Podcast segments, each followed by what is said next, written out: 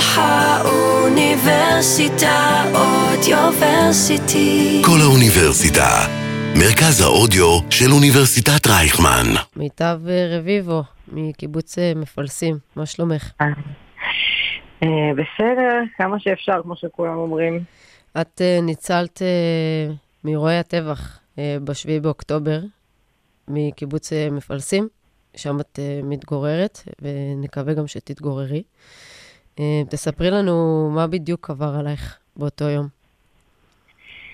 אה, עבר הרבה. אני, אה, בני דודים שלי מאזור ירושלים, הם מגיעים אליי הרבה לשישי שבת בקיבוץ, כמו שכולם אוהבים, לבוא לקיבוץ, לשקט, לפסטורליות, במיוחד בעוטף. יצאנו למסיבה בבאר שבע. חזרנו, חניתי את הרכב בחמש וחמישה, התלבטתי אם להיכנס להתקלח אחרי הפורום הזה, התקלחתי, אז יצא מצב שבחמש וארבעים אה, נכנסתי למיטה, ובשעה שש וחצי השמיים, השמיים נפלו, ממש. אה, זה היה, זה התחיל בצבע אדום, אבל זה היה בום בום בום בום בום בומים כאילו, ממש של... אה, משהו שאתם לא אה, רגילים אליו בעוטף. הרי אנחנו יודעים ש- שאתם רגילים לבומים מדי... מכירה כל בום, תגידי לי, אני יכולה להגיד לך איזה חיל זה, חיל תותחנים, חיל שריון, כל, כל בום. ושם משהו, לא, לא יודעת, לא הסתדר לי הכמויות והעוצמה של זה. ופשוט נכנסנו לממ"ד, היה, היינו עם הפלאפונים, אה, התקשרו אליי חברים מהנובה, שבילו בנובה באותה שעה, ואמרו לי, תקשיב, אנחנו חייבים להגיע למפלסים, אין לנו ממ"ד פה, יורים טילים, אנחנו מגיעים אלייך, ולא יודעת מה גרם לי להגיד להם את זה, ולא יודעת איך, אבל אמרתי להם, תלכו הביתה, לכו להורים שלכם, אל תגיעו לכאן. כי הם מאוד רגילים, בגלל שהם מכירים את הבית ואת הקיבוץ, זה, היה להם הכי ברור שהם יגיעו למפלסים. ואת יודעת מה, לממ"ד. מה קרה איתם באמת? הם רצו בסביבות החמש שעות עד למושב פטיש, והם ניצלו כולם, כל החברים הקרובים שלי שהיו בנובה ניצלו, אה, אבל אה, אה, את יודעת להגיד מה היה קורה אם הם היו מגיעים אלייך? הם היו, הם היו מתים בדרך. ולהגיע מכביש 232, אין, אין סיכוי שהם היו שורדים את זה. אין סיכוי בעולם. מי, אני, לא, אני לא חושבת שמישהו על הכביש שרד את זה באותו יום. מה בדיוק קרה שם. אצלך בקיבוץ מפלסים? את מבינה, את מבינה שהתחילו הרקטות ושזה לא משהו רגיל? אני מבינה שהתחיל הרקטת זה לא משהו רגיל, ופתאום אנחנו שומעים, זה, נשמע מצחיק, אבל זה נשמע כמו גשם של יריות, כאילו. זה, זה, זה כמו, אין, אין לי איך אפילו לתאר את זה, זה, זה היה פשוט, הגוף שלי כל כך השתתק, ואני אומרת, אני שומעת כמה זה קרוב, ואני בן אדם שמאוד מאוד חם לו, והתגובה של הגוף נהיה לי קר, והיה חם. נהיה לי קפוא, הגוף שלי ממש קפא, ניסיתי לחמם את עצמי. את משתתקת, את מצליחה לזוז, את מצליחה אנחנו, לתפקד. אני עם שני בני דודים שלי, וכל מה שעובר לי בראש זה לא אני בכלל, זה הם, זה איך אני, מה אני עושה, מה, איך זה קרה, איך זה קורה כאילו שאני איתם פה עכשיו, כאילו זה, זה חשבתי עליהם, ואמרתי, טוב, אז אני במצב של, כאילו, גם התקשרתי לאבא שלי בשבע בבוקר ואמרתי לו משהו מוזר, הוא אמר לי אני אבוא לקחת אותך, אמרתי לו לא, אני, זה יירגע ואני אני אחזור הביתה, אני אגיע היום הביתה. ותוך כדי אתם שומעים משהו שקורה בקיבוץ? כיתת כוננות יוצרת איתכם קשר? חמל מרחבי בשעה יוצר הזאת איתכם? אתה שומע רק יריות. אין לנו מושג, רק אמרו לנו, תנהלו את עצמכם בממ"דים, להינעל, לא לזוז, ו... וזה בדרך כלל קורה כשיש טילים, כן? בדרך כלל אנחנו ננעלים בממ"דים כשיש טילים, אבל לא יודעת, התחילו לדבר בקבוצה של הצעירים, וגם כתבתי שם הודעות, וכאילו יש לנו קבוצה של צעירים סטודנטים מפלסים, וכולם שם שולחים הודעות בטירוף, ואז אחותי שלחה לי את הסרטון של הטנדר בשדרות. הסרטון של המחבלים. ושם נפלה לי הקליטה, באותו, באותו שלב. ואתם יודעים נפל- אם מגיעים אליכם כבר מחבלים לקיבוץ? אני שומעת, אני ממש שומעת יריות. כאילו זה הרגיש בהתחלה כאילו זה רחוק ממני, ואז זה כל פעם התקרב והתרחק, התקרב והתרחק, כאילו, אתה ממש יכולת לשמוע איפה פחות או יותר, מה קורה, מה מתרחש. בראש שלי, מרוב שרציתי להדחיק, אמרתי, לא, לא, זה לא פה, זה בנירם, זה בכפר עזה, זה לא אצלנו, זה לא יגיע למפלסים. ואתם אה, שומעים אותם.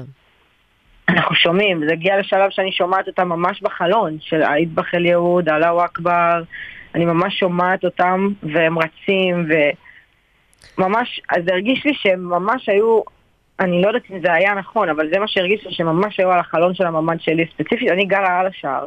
וואו. ורוב הלחימה הייתה בשער, בין המחבלים, בשער וגם בהרחבה, כי הם פתחו עוד גדר, כאילו, הם שברו את הגדר בהרחבה. את יודעת להגיד לנו איך, איך נמנע מהם להגיע אליכם? אני עכשיו הבנתי השבוע שהיה חוליה של 200 מחבלים בחץ שחור, שזה אנדרטה ממש אה, בשטח, אה, בין כפר עזה, נירם ומפלסים, עם נכון. אה, בתוך כזה. האנדרטה של עוטף עזה. ו- בדיוק, כן, זה אנדרטה שרואים ממנה את כל עזה. והבנתי ש... אה, אני לא יודעת מה זה, זה זיק, איזה יחידה זאת, נראה לי, שלחו לשם איזה מזל"ט שהוריד אותם, את החוליה הזאת, שהייתה אמורה להגיע לנירם ולמפלסים, בדיוק אותה חוליה, מהמם. שזה נס ראשון. הנס השני זה שאצלנו הכיתת כוננות, הרב שלנו הוא כל כך מדהים, הוא בן אדם כל כך טוב והוא כל כך... הוא, הוא על זה בכללים ומה צריך להיות, איפה הוא מדייק הכל. והנשקים של החברי כיתת כוננות היו אצל כל אחד בבית שלו האישי, ולא בתוך נשקייה בחוץ. זאת לא אומרת, לעבוד ברגע. שכבר הבינו שמדובר בחדירה, כבר כולם היו כל אחד באיקון. לקח את הנשק ויצא, בדיוק. ברגע שזה היה ככה, והם תמרנו שם ברמה מטורפת, הם הצליחו לגנוב מכשיר קשר של מחבל, וואו. ולקחת אה, מישהו שיודע ערבית, וככה בעצם כאילו ללכת ולהבין איפה הם נמצאים בתוך הקיבוץ, ולחסל אותם לפי מה שהם שומעים, כאילו להאזין להם ממש, כאילו כמו כל העבודה של, של שב"כ וימ"מ ביחד, בכיתת כוננות. וואו. קיבוצניקים הכי כאילו רגילים. מיטב, כמה שעות אה, הסתגרתם בתוך הממ"ד בלי ידיעה מה, מה, לאן זה הולך? אנחנו היינו שש שעות בממ"ד, עד שהגיע שלב שאני שומעת מהחלון של הממ"ד מיטב בצרחה, מישהו צרח מיטב. וזה, ובני דודים שלי מסתכלים עליי ואומרים לי זה אבא שלך, את לא שומעת? ואני לא הבנתי. לא אבא זיהיתי, שלך כי הגיע באותו היום לקיבוץ הגיע. מפלסים. אבא שלי הגיע. ואנחנו הוא רק נגיד, את, אבא שלך מתגורר במבשרת ציון.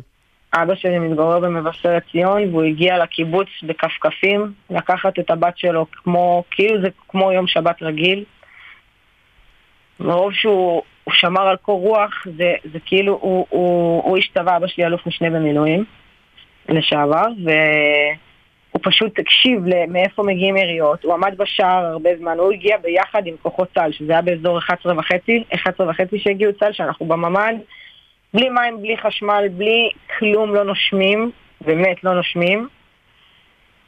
והוא הצליח לה- להקשיב שהיריות באותו רגע היו בהרחבה ויש לו הזדמנות של כמה דקות להוציא אותי משם, אז הוא רץ ברגל תוך כדי. לחימה בקיבוץ תוך- שלכם, אבא שלך בשלב- מגיע ומחלץ אותך ואת שני הבני דודים. שלך. בשלב הזה היו בתוך מפלסים הכי הרבה, זה גם היה שלב של מלא ביזה, נכנסו סתם עזתים ו...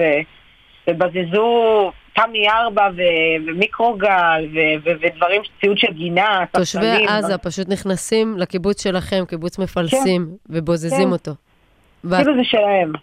אז אבא שלך נכנס תחת אש לקיבוץ מפלסים ומחלץ אתכם. תספרי לי רגע על רגע החילוץ הזה, מה קורה שם.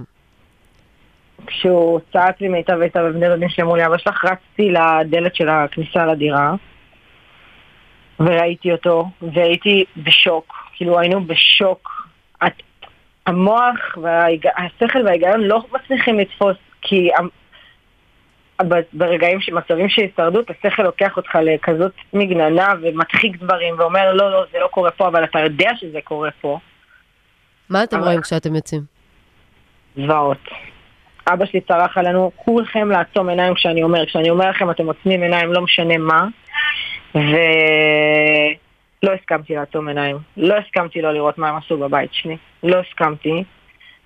וראיתי הכל, ראיתי את הקיבוץ עולה באש. קודם כל הייתי בשוק שבכלל אור יום. הייתי בטוחה של לילה, חזרתי מבחינתי ממועדון.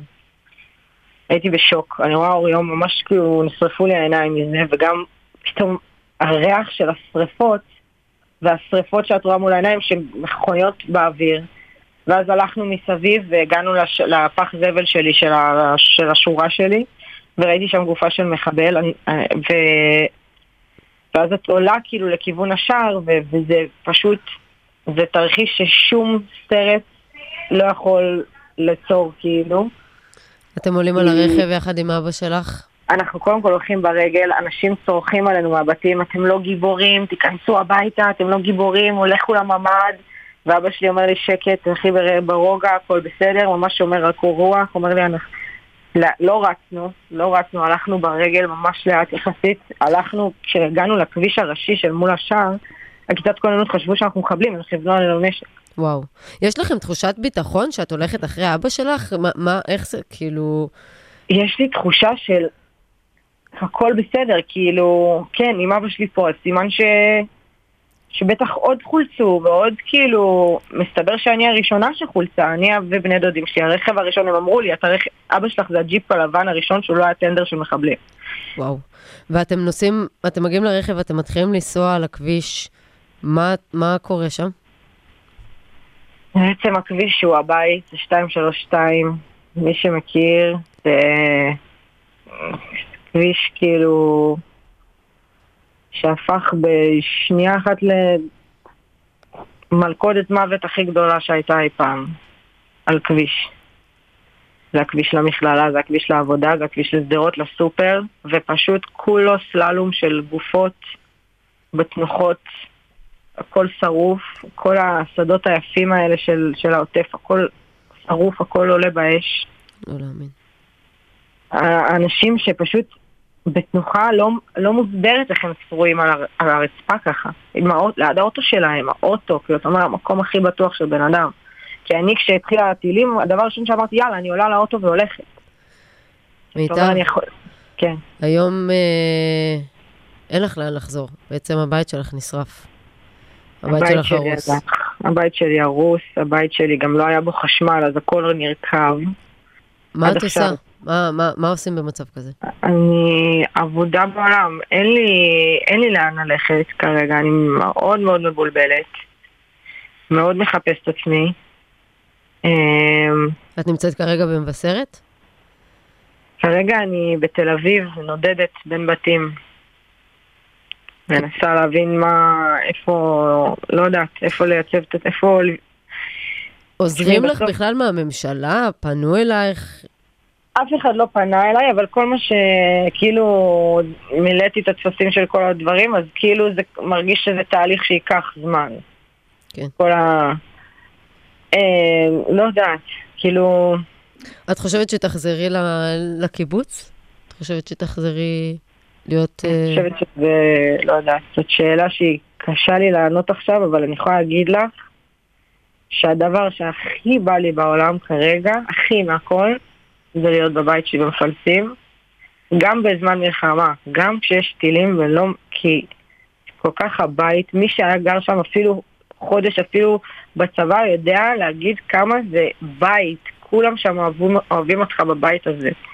אישית, אני גם כאילו באמת מתמלאת בעילה של בריאות נפשית כשאני נכנסת לאזור, כאילו מרוב נחת כמה שזה הבית וכמה שזה מקום להתרפק עליו, המקום הקסום פשוט נהרס. ממש, מגן עדן לגיהנום. מיטב, אני מקווה שאנשים ששומעים את זה, את הרעיון הזה, באמת אה, גם ימצאו את הדרך ו... ואיכשהו נעזור ונמשיך לעזור לתושבי העוטף שנפגעו, ושנשארו כרגע ליטרלי מחוסרי בית. אה, שלא נדבר על הנפש שנפצעה כמעט לגמרי. תודה שדיברת איתנו, מיטב. תודה לכם.